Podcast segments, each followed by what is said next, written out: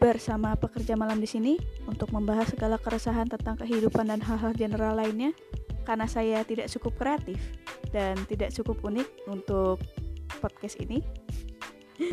Bersama Elga dan stay tuned, enjoy, stay healthy.